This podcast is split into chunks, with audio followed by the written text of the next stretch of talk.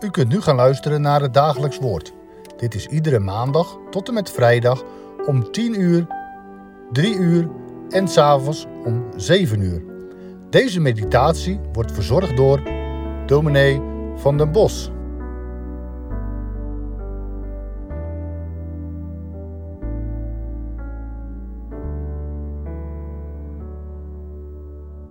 lees met u Marcus 13, versen 7 tot 10, waar Jezus de volgende woorden spreekt.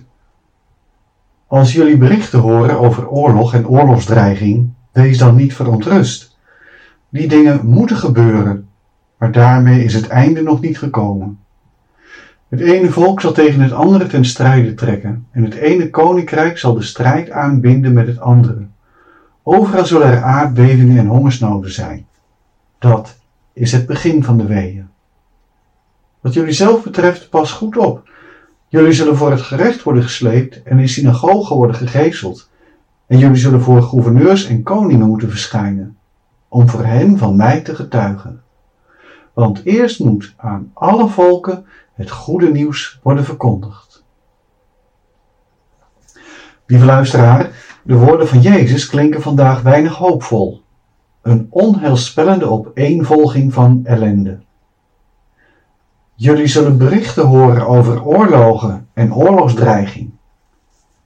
Het laatste jaar hebben wij wat minder gehoord over oorlog en oorlogsdreiging. Niet omdat er geen oorlog meer was, maar omdat het nieuws volledig in het teken stond van corona. Toch is er nog steeds de oorlog in Jemen. Toch gaan er nog steeds gewapende bendes rond in Nigeria en andere landen in Afrika. En dan gaat het dan niet om een uitbrekende oorlog. De wapenindustrie doet het nog steeds goed. Geen hoopvol teken. Maar, zo zegt Jezus er dan bij, wees niet verontrust. Nou ja, we wonen in het Westen en we wanen ons tot op zekere hoogte nog wel veilig. Natuurlijk, er is altijd de dreiging van terrorisme. Altijd kan er iets gebeuren. Maar oorlog, oorlogsdreiging, daar zijn we zelf in ieder geval nog redelijk voor gespaard gebleven. Toch maak ik me zorgen. Zorgen om de conflicthaarden in de wereld. Als we iets geleerd hebben het afgelopen decennium, dan is het wel dat conflicten veraf zomaar heel dichtbij kunnen komen.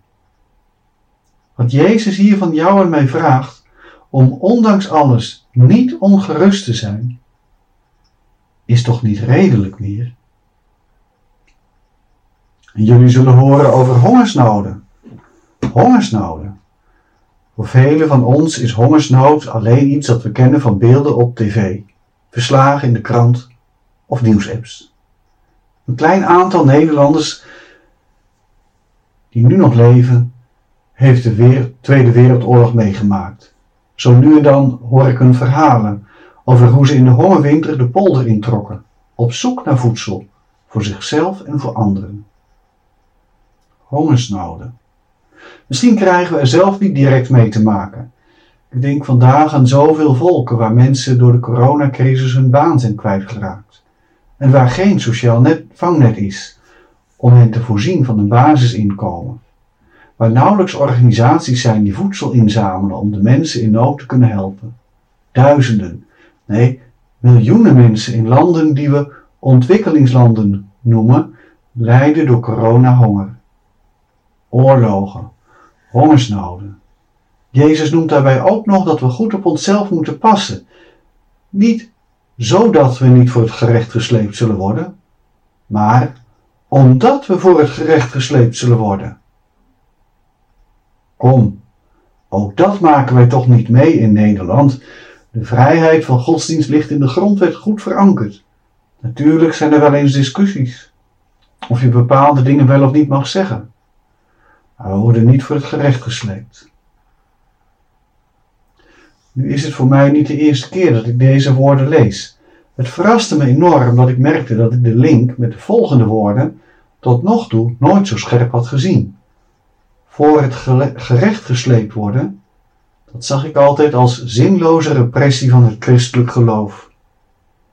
Als ik de woorden van Jezus goed begrijp, loopt de vervolging uit op het getuigenis tegenover gouverneurs machthebbers, koningen.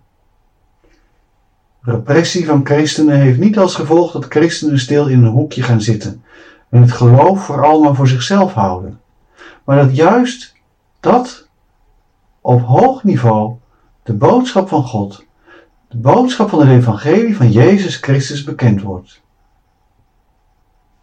Het is in mijn optiek wel weer heel mooi. De boodschap van Gods koninkrijk raakt overal bekend.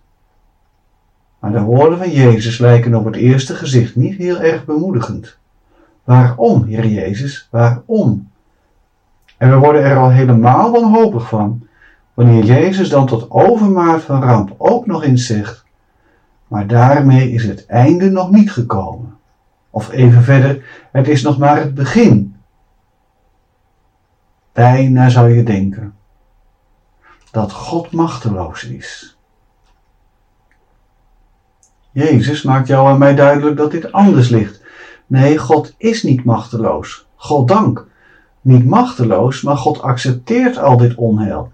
God accepteert de dreiging die van oorlog en vervolging uitgaat naar zijn kinderen.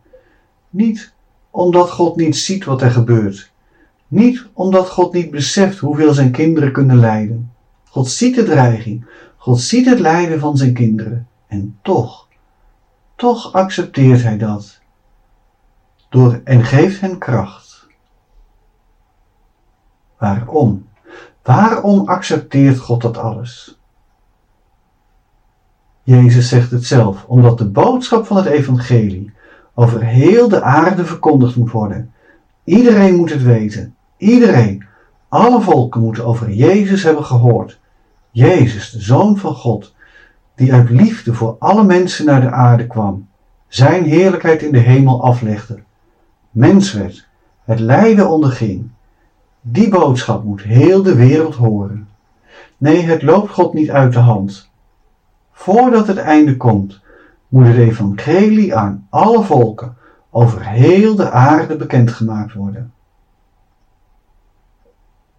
Weet je, als God het zo belangrijk vindt dat die boodschap overal bekend wordt, hoe belangrijk is het werk van zending dan voor ons? Voor jou, voor mij. Heeft zending jouw hart?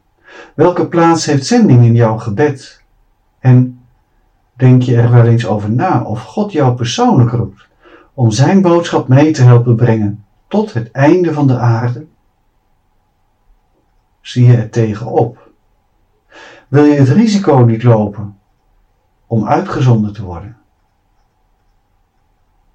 Denk er nog eens over na, in het licht van wat Jezus voor jou over had.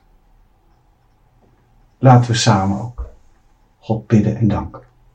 Heer onze God, wij danken u voor dit bezinnende moment onheilspellende woorden, zo lijken, zo lijkt het op het eerste gezicht.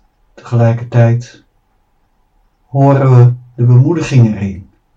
Zo bent u begaan met deze wereld. Zo bent u begaan met alle mensen. Dat het einde pas komt als tot het einde van de aarde het evangelie verkondigd zal zijn. Heer in de hemel.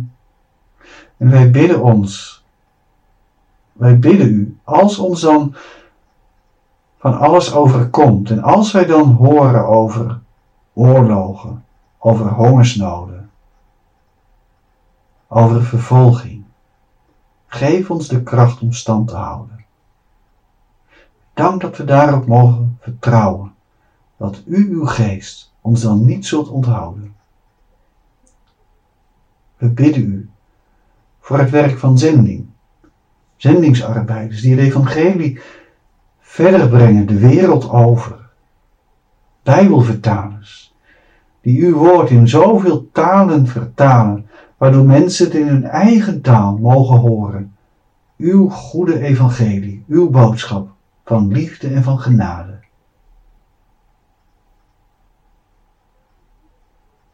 Aanvaard onze dank. Hoor ons gebed in Jezus' naam. Amen.